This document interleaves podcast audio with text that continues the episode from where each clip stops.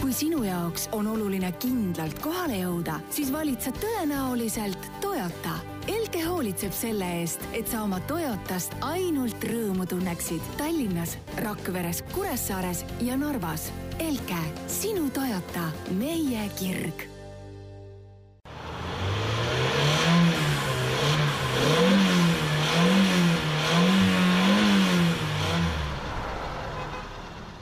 tere ilusat kolmapäeva, istmesoojenduse on käes, mina olen Jan ja minuga on stuudios. Ülle, olen Akseleristast, tere jälle! no vot, ja tänased äh, saate teemad on meil siis sellised, kõigepealt räägime elektriautode ostutoetusega tahetud autodest, et mis seal äh, need kõige tahetumad autod olid, siis äh, räägime sellisest teemast nagu Saksamaa kiirteede kiiruspiirangud, mis nüüd ähvardavad seal juba mõnda aega tulla, et vaatame, mis arengud selles osas on. Äh, samal ajal räägime Tallinnas olevatest äh, ühissõidukiradadest ja nendega kaasnevatest probleemidest. Äh, proovisõiduautoks on meil sel nädalal Subaru Foresteri hübriidvariant, siis uus, ja nipinurgas räägime natukene autode öönägemisseadmetest ja sellest, milleks seda võiks kasutada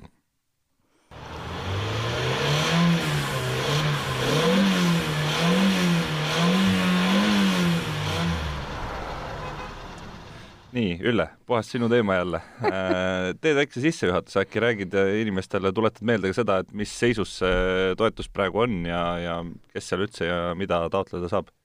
ehk siis äh, elektriautode ostutoetusmeede avanes meil, sellest on varsti kaks nädalat, äh, kaheksateistkümnendal jaanuaril ja kogu meetme rahaline maht tänavuseks aastaks ehk, ehk siis üks koma kaks miljonit eurot taotleti kinni taotlusi tuli ligi ühe koma viie miljoni euro eest ja enamus moodustasid ettevõtete taotl-, ostutoetuse taotlused. ja ma vaatasin ka, et milliseid autosid siis taotleti, me tegime väikese ennustuse, kui sa mäletad mm, -hmm. et enne kui sa puhkusele läksid, et me ennustasime, et võidab Nissan Leaf ja nii see ka läks, et kaheksakümmend viis Nissan Leafi ja põhjus väga lihtne, miks valitakse Nissan Leaf esiteks nad on äh, pikalt turul olnud, eks ole, kaks tuhat üksteist jõudsid esimesed autod, nüüd on teine põlvkond, ja siis äh, väga suur argument on sõidu ulatus, mis E-plussil on nelisada kilomeetrit peaaegu, ja muidugi see, et kohalik maaletooja siis tegi üllatusmuna ehk lisaks riigipoolsele viie tuhande eurosele toetusele andis ta veel omalt poolt viis tuhat alla aga jah, nagu sa viitasid, siis tegelikult see oli ju eeldatav selles mõttes, et tõesti Leaf on, on see auto, mis on ennast juba meie tingimustes äh, tõestanud juba no hea mitu aastat, on ju, ja, ja inimesed, äh, kui nad ilmselt mõtlevad elektriauto peale, siis nad ilmselt mõtlevadki Leafi peale aga samas seal oli ka väga palju teisi huvitavaid autosid ja, ja mis mulle silma jäi, oli see, et palju nendest olid võib-olla just need väiksema klassi autod, et äh, jaa, näiteks Renault Zoe, mis Zoe jõudis... ja Škoda Citigo ja, ja Volkswageni see e-up on ju, et just. seal oli hästi palju selliseid just. väikseid autosid. aga no mina näiteks arvasin, et teisele kohale tuleb Tesla Model kolm, mis on Euroopas teinud jube hea müügi ja mille tarnetega on nüüd asjad korras ja, ja mis oli siis ka selles lubatud toetusega lubatud elektriautode nimekirjas tühjagi. Äh, Tesla Model kolm jäi siis kuuendale kohale üheksateist taotletud autodega, äh, autoga ja teine oli siis Renault Zoe nelikümmend seitse, Hyundai Kona Electric, mida oli siis kolmkümmend kuus, see on nüüd siis see ainukene praegu saadaolev linnadžiip, aga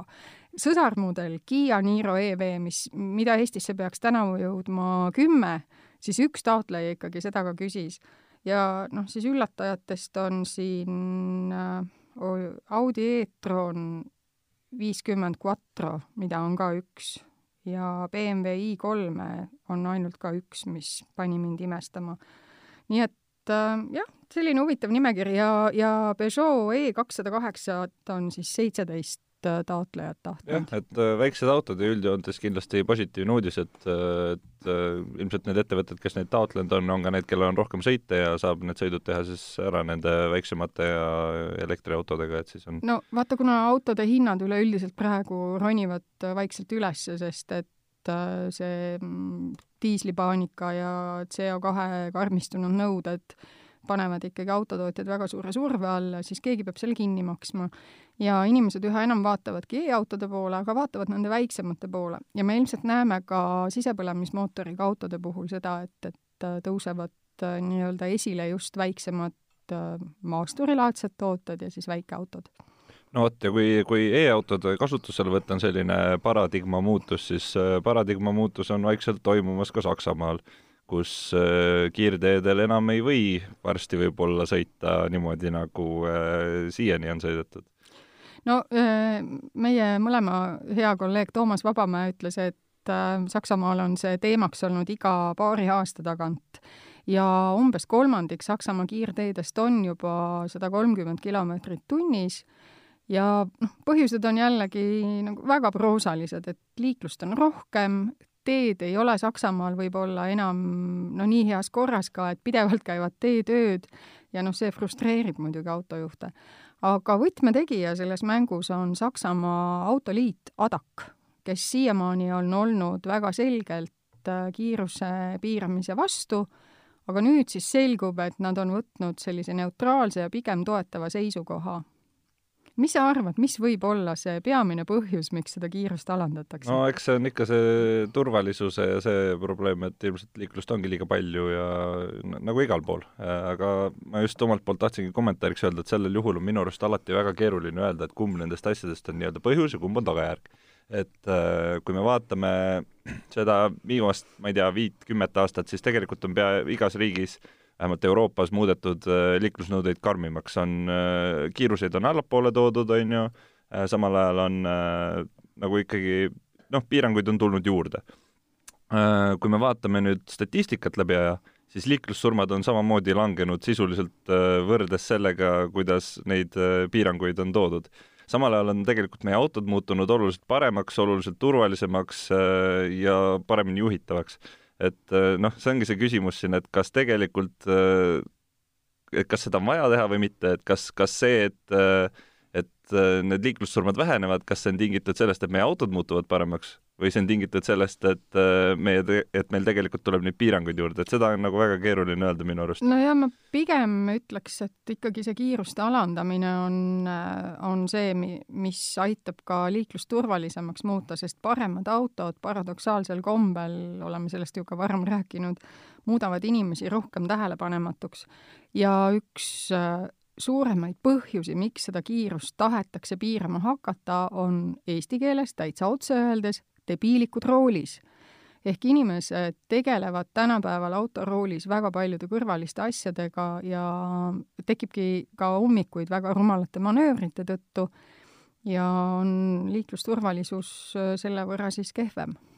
no ma just vaatasin selle turvalisuse koha pealt, et tegelikult viimase kümne aastaga on pea kaks tuhat surma liikluses vähemalt, see on äh, siis Saksamaa mõistes äh, kaks viiendikku ehk siis äh, nelikümmend protsenti vähem surmasid viimase kümne aasta jooksul. et see on ju tegelikult väga hea näitaja, ma ütleks isegi suurepärane näitaja, et mis siin äh,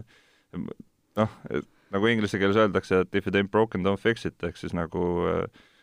asja, mis toimib, ei, tasu nagu parandama hakata. jah, aga samal ajal autotootjad ikkagi äh, pürgivad nullvisiooni poole ja panevad ka omale juba autodele kiirusepiirajaid peale, nii et noh, see on ja eks need emissiooniküsimused ja keskkonnaküsimused, need on nagu argumendid, millest ma selles suhtes saan rohkem aru, et äh, olles ise korduvalt Saksamaal sõitnud, siis ma ei näe, et seal liikluskultuuris oleks selliseid probleeme, et seal ei tohiks nüüd sõita niimoodi, et äh, isegi need lõigud, kus sõidavadki inimesed Porschedega, ma ei tea, üle kahesaja kilomeetri tunnis, seal kõik saavad tegelikult väga hästi aru, kuidas nendes olukordades käituda, see reastumine toimub põhimõtteliselt nagu veatult ja ja noh, tõsi, tõsi ta on, et viimastel aastatel on äh,, ma olen samamoodi täheldanud ise ka neid probleeme rohkem, aga see ongi sellest, et seal sõidab hästi palju turiste ja no üldiselt Saksamaa on sellise koha peal näiteks, et ma ei tea, poolakad, kes tahavad minna Euroopat avastama, sõidavad sealt läbi, onju. teiselt poolt äh, tulevad mingid hollandlased ja noh, siin Põhja-Euroopast inimesed samamoodi satuvad sinna, on ju, Baltikumi inimesed ja need, kellel tegelikult ei ole seda kiirteel sõitmise kogemust sellisel määral. no minu kogemus on see, et flaamid ja taanlased on need, kes Saksamaa teid ummistavad, sest et nad on harjunud väga aeglaselt liikuma. aga veokeid on palju ja, ja, ja kaubaveod üldiselt kiirteedel ikkagi on üks suur turvalisuse risk, et kui sa jätad midagi tähelepanuta. ma arvan, et see on nagu pisut selline ennetav meede, aga kas see nüüd siis kehtestatakse, suure tõenäosusega jah, ja keskkonnaargument on ilmselt see, mida lauda lüüakse ja no teiselt poolt tulevad siis vastu needsamad elektriautod, mis, kui nad, kui sa üle saja kilomeetri nendega kiirendad või, või sõidad, siis sul aku saab väga kiiresti tühjaks ja see toob jälle omakorda taristu probleemi. no Saksamaal on õnneks neid laadimispunkte on juba küllaga siin Eesti, Eestiga võrreldes. Need kuuluvad sajale erinevale omanikule ja nende nubludega seal sikerdada on ilmselt päris keeruline. nii et probleeme on, aga no huvitav ka samal ajal jah, et kui me siin juba ummistustest rääkisime, siis äh, järgmiseks teemaks ongi meil äh, ühissõidukite, ühissõidukiradade kasutamine, sest mis on Tallinnas äh, suureks probleemiks, et Ülle, räägi siis täpsemalt, et mis see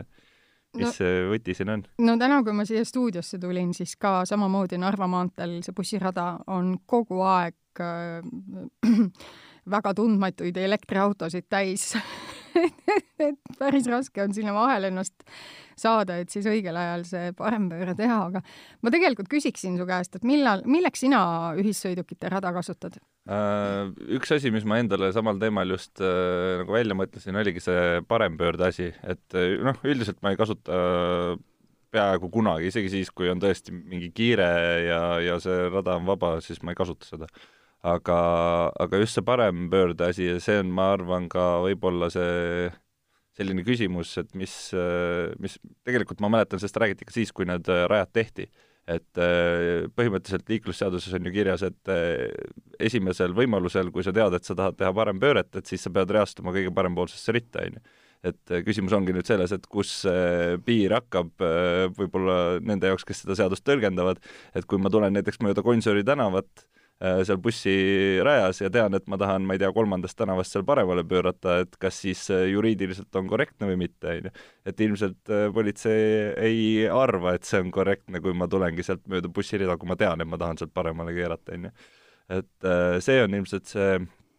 võib-olla see koht, kus tekivadki need käärid, et ma arvan, et selliseid inimesi, kes sõidaks,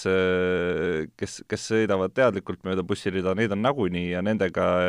ja ilmselt nad on ka selle suhtes uhked, et oh kurat, et mul on siin kurat kiire ja kõik teised tehku, mis tahavad, et mina tulen mööda seda bussirida, kui mul vaja on. et nagunii on see debiilsus, mis siin Tallinnas välja on mõeldud ja nii edasi, on ju et nende inimestega ei olegi midagi teha ja nad sõidavad seal nagunii, saavad oma selle nelikümmend eurot trahvi ära või mis see oli ja, ja nad ei vaeva väga pead no, ka nagu ei hooli sellest, jah et, et selles mõttes ongi, noh, see ongi komplitseeritud asi natukene. no üks äh, põhjus, mida juhid välja toovad, on see, et nad ei tea, kus ühissõidukite rada on ja näiteks praegusel ajal, kui on hästi mudane Tallinn, mis iganes põhjusel see siis mudane on, kas need on need karjääriautod või lihtsalt on porine talv, nad ei näe seda märgistust. Äh, ei ole aru saada, kus ühissõidukite rada algab, kus see lõpeb, kui sa nüüd üleval teekohal seda märgistust näiteks ei vaata, siis sa pruugidki selle maha magada, et seal on ka inimlikke põhjusi no ma ei ütleks, et see on vabandus selles mõttes, et sama hästi sa võid öelda iga teise märgi kohta tegelikult needsamad, need sinised äh, ühissõidukiraja märgid on,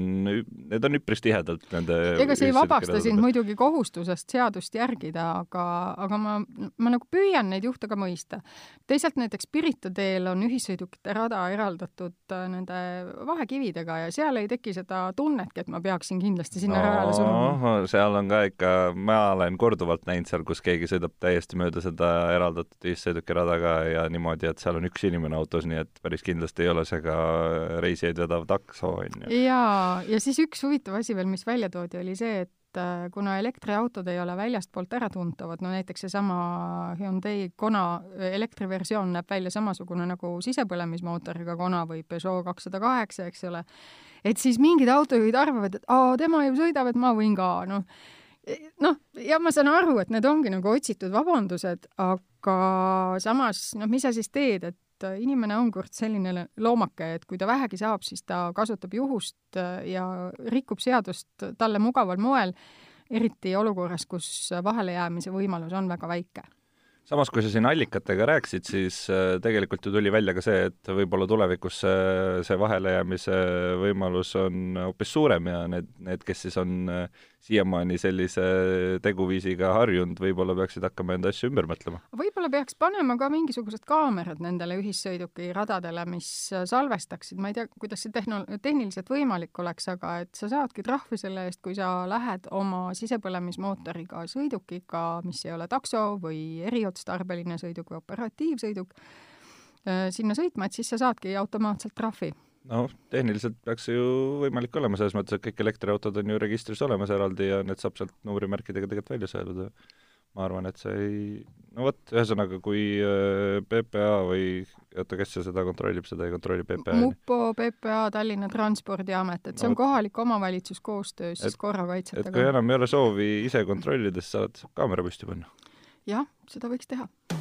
kui sinu jaoks on oluline kindlalt kohale jõuda, siis valid sa tõenäoliselt Toyota. Elke hoolitseb selle eest, et sa oma Toyotast ainult rõõmu tunneksid Tallinnas, Rakveres, Kuressaares ja Narvas. Elke, sinu Toyota, meie kirg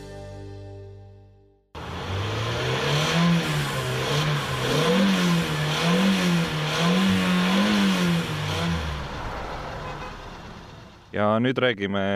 Subaru Foresterist, äh, mis äh, sel korral tuli välja hoopis hübriidmootoriga ja esimest korda Euroopas. jaa, esimest korda Euroopas, mina sõitsin sellega kevadel Amsterdamis, sina vist nüüd hiljaaegu? mina sõitsin sellega vist nädal või kaks tagasi, nädal tagasi. mis su muljed on? Äh, ma ütlen ausalt, et see oli mu esimene kord tegelikult üldse Subaruga sõita. selles mõttes oli huvitav, et see esimene kord sai veel olema esimene hübriid Forester iseenesest on selline auto, et noh, ta ei ole ilmselt minule mõeldud, aga ta oli selline auto, mis pani mind natuke mõtlema selles suunas, et noh, kunagi kuskil kauges tulevikus on mul vaja ka tõenäoliselt mingit sarnast autot. ja, ja tegelikult see selline äh, see loogika, mis sel autol on või see, kellele see mõeldud on, see läheb ühe keskmise eestlase selliste nõudmiste ja soovidega väga hästi kokku et äh, tegelikult meil on hästi palju selliseid inimesi, kes ongi hästi praktilised inimesed, kes tahavadki, et nende auto oleks tarbese, et nad saaksid sinna mida iganes sisse visata äh,, visata rahulikult lapsed tahaistmele ja sellepärast ei peaks muretsema, on ju, et selles mõttes ma nägin äh, ma nägin selle auto disainis ja üldse sellises äh, ülesehituses äh, seda loogikat, et selle peale oli mõeldud, et, äh, et need asjad võiks niimoodi olla, on ju. kas või see, et laadimisava oli hästi suur, et sinna taha saab panna asju rahulikult ja ja see, et tagumised porimatid olid ühendatud põhimõtteliselt selle kogu see istme tagusega niimoodi, et seal seda ei ole võimalik põhimõtteliselt ära trööbata seal niimoodi, et kui sul lapsed istuvad seal taga, mis iganes, teevad need ääred mudaseks, siis siis seda muret ei ole, et ta üllatas mind ja üllatas mind väga positiivselt ja, ja hästi palju asju oli tegelikult, mis mulle meeldisid, neid asju, mis mulle ei meeldinud, oli võib-olla vähem. aga no Forester on läbi aegade olnud äh, ongi väga kihvt auto, mina äh, sõitsin pikemalt eelmise põlvkonna Forekaga ja võrreldes nüüd uuega, siis äh, noh, seal on ikka tuntav see vahe, et äh, platvorm on ju uus ka, eks ole, just, ja, ja see platvorm, mis siis võimaldab seda hübriidajamit ja tulevikus ilmselt pistikhübriidi ja võib-olla ka elektrit panna, on, on oluliselt parem, et XV oli esimene, mis selle uue platvormi peal tuli. nii et äh, jah, ta on sõidetavam, ta ei ole võib-olla enam nii jäik. Äh,, noh, kütusekulu, muuseas selle hübriidajami puhul äh, Subaru jagab tehnoloogiat Toyotaga ja selle hübriidajami puhul ei tasu oodata mingisuguseid kosmiliselt väikesi numbreid. ei, sellest ei olnud seal juttugi jah, see oli ilmselt nagu üks peamisi miinuseid ka, mis ma välja tooks, et ma sõitsin temaga valdavalt äh, maanteel, maanteesõitu äh, püsikiiruse hoidikuga ja ma sain mingi niisugune kaheksa-üheksa vahel selle kütusekulu ehk siis noh, see auto ei olnud mul täis ka selles mõttes, et kaks inimest oli ja ma ei tea, mingi paar kotti taga, et see ei olnud nagu, see ei olnud see, et auto oleks olnud täis lastis. et äh, selles mõttes see oli nagu ilmselt kõige suurem probleem minu arust ka, et äh, noh, üks sõit Tartusse tagasi tõmbas paagi tühjaks jah, ja aga noh, jällegi arusaadav, et autotootjatel on kohustus oma CO2 heitmeid vähendada ja siis hübriid on üks võimalus seda teha aga noh, mugavuse seisukohalt äh, kõik need kellad, armatuur on minu meelest hästi käepärane, istuda on võrreldes eelmise generatsiooniga oluliselt mugavam, ruumikam on see auto, panipaikadega oli hästi. mulle meeldib ta kujustus ka ja, ja välimus ja noh, Subaru põhiväärtus on äh, sümmeetriline nelikvedu. kas sa sõitsid äh, CVT-ga või äh,? Jaa. Kuidas ja... sa seda iseloomustad, seda koostööd mootoriga? ma ütleks, et sellel ei olnud viga ja, ja ma tegelikult käisin teda maastiku peal ka täitsa proovimas ja, ja ka seal noh, ma, ma natukene pelgasin selles mõttes, et see oli äh, oli ikkagi suur auto, on ju äh,, mingisugust erirehvi ega midagi ei olnud all ja ma käisin temaga ikka korralikult mudas müttamas ja läks läbi nagu kuum nuga võist, et seal ei olnud nagu mingit probleemi sellega. ja ruumi oli, selles mõttes oli ka kõik hästi, ainuke asi võib-olla, mis, mis veel häiris peale selle kütusekulu, oli äh, oli see, et äh, võimu oleks võinud natuke rohkem olla. just maanteesõidul oli nagu tunda, et äh, noh, möödasõit oli niisugune nibin-nabin, kui sa tahad möödasõitu teha, et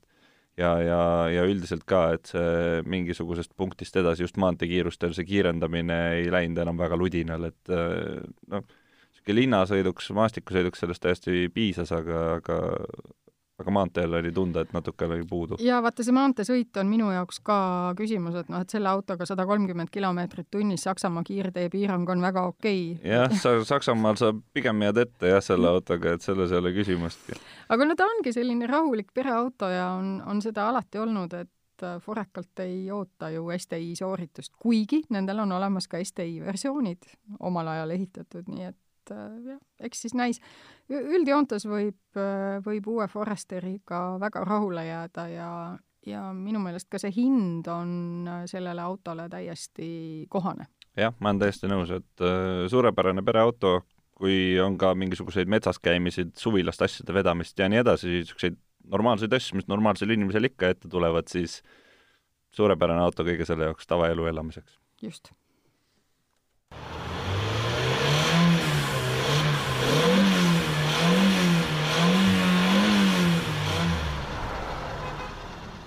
ja nüüd räägime natukene autode öönägemisseadmetest, et äh, kes siis veel ei ole sõitnud uuemate masinatega, siis on, äh, osadel on täiesti selline varustusseade olemas. Äh, selle eesmärk siis peaks olema vist peamiselt metsloomade ja, ja ka inimeste tuvastamine mingites pimedates oludes või kehva nähtavusega oludes. et ma olen sõitnud paari autoga, millel see on, aga ma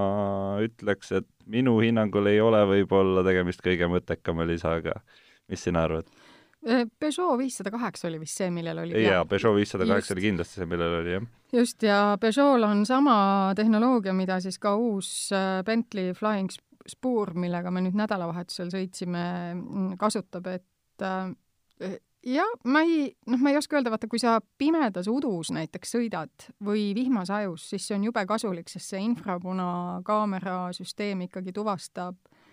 soojad objektid tee ääres minu jaoks oli see nagu probleem sellega oli see, et see, mida ma nägin sealt kaamera pealt, ei olnud kuidagi äh, suurema nägemisulatusega kui see, mida ma ise nägin, see oli nagu see mõttekoht. no sul on võib-olla siis head silmad, aga aga ma käisin just silmaoperatsioonil, nii et see aga, aga ei, mu point on tegelikult see, et see oleks suurepärane abimees, kui ta oleks näiteks suunatud mõlemalt poolt nelikümmend viis kraadi. et äh, minu arust seda keskmist osa tegelikult ei ole põhimõtteliselt ju vaja, et sa näed sinna ise väga hästi, aga just see, mis äh, tegelikult äh, siin eriti öisel ajal äh, maanteel sõites niisugune kogu aeg kuklas tiksub, on see, et äkki mul kuskilt kõrvalt hüppab kuskilt metsloom välja, onju. vot Bentley'l on nüüd see kõige-kõige uuem äh, öönägemisseadme generatsioon, mis siis tõesti annab äh, laia nurga, nii et sa näed isegi läbi puude, et kui sul on sõidutee ja seal kõrval on allee ja seal alleel kõnnib inimene, siis sa näed seda kollast laiku seal mhm. liikumas, nii et tema vaatenurk on äh, piisavalt lai, et sa mm -hmm. näed ka seda, mis tee kõrval toimub aga no meie muidugi avastasime Kopli poolsaarel ringi sõites hoopiski ühe toreda funktsiooni, et äh, kirjutasin sellest ka ja see lugu vist lendas päris hästi nädalavahetusel, et ei pea enam tellima kallist äh, infrapunakaameraga meest kohale, kes ütleks, kus su majas on soojuslekked, et piisab, kui su autol on selline seade või sõbra autol ja siis lähed sinna maja juurde ja näed ilusti ära, et kus näiteks vundamendi alt lekib või katuse all on külmasild see oli päris huvitav avastus, jah, me ikka öösel sõitsime mitu tundi ringi ja vaatasime erinevaid maju ja mõtlesime, et jummi-jammi, et inimesed ei teagi, millistes osmikutes nad elavad. vot, Bentley puhul ongi ikkagi äh, lisaväärtus, et sa saad, sa saad korraliku auto, on ju, ja siis lisavarustusena saad veel enda maja ka korda teha et äh, selline lisaboonus. jah, nii on vot, äh, selline saade oli meil täna ja aitäh teile kõigile kuulamast ja kuuleme juba järgmisel nädalal. kuule, järgmisel nädalal on proovisõiduautoks Volvo S kuuskümmend, eks ju? jaa, just. nii et on mida oodata. tšau!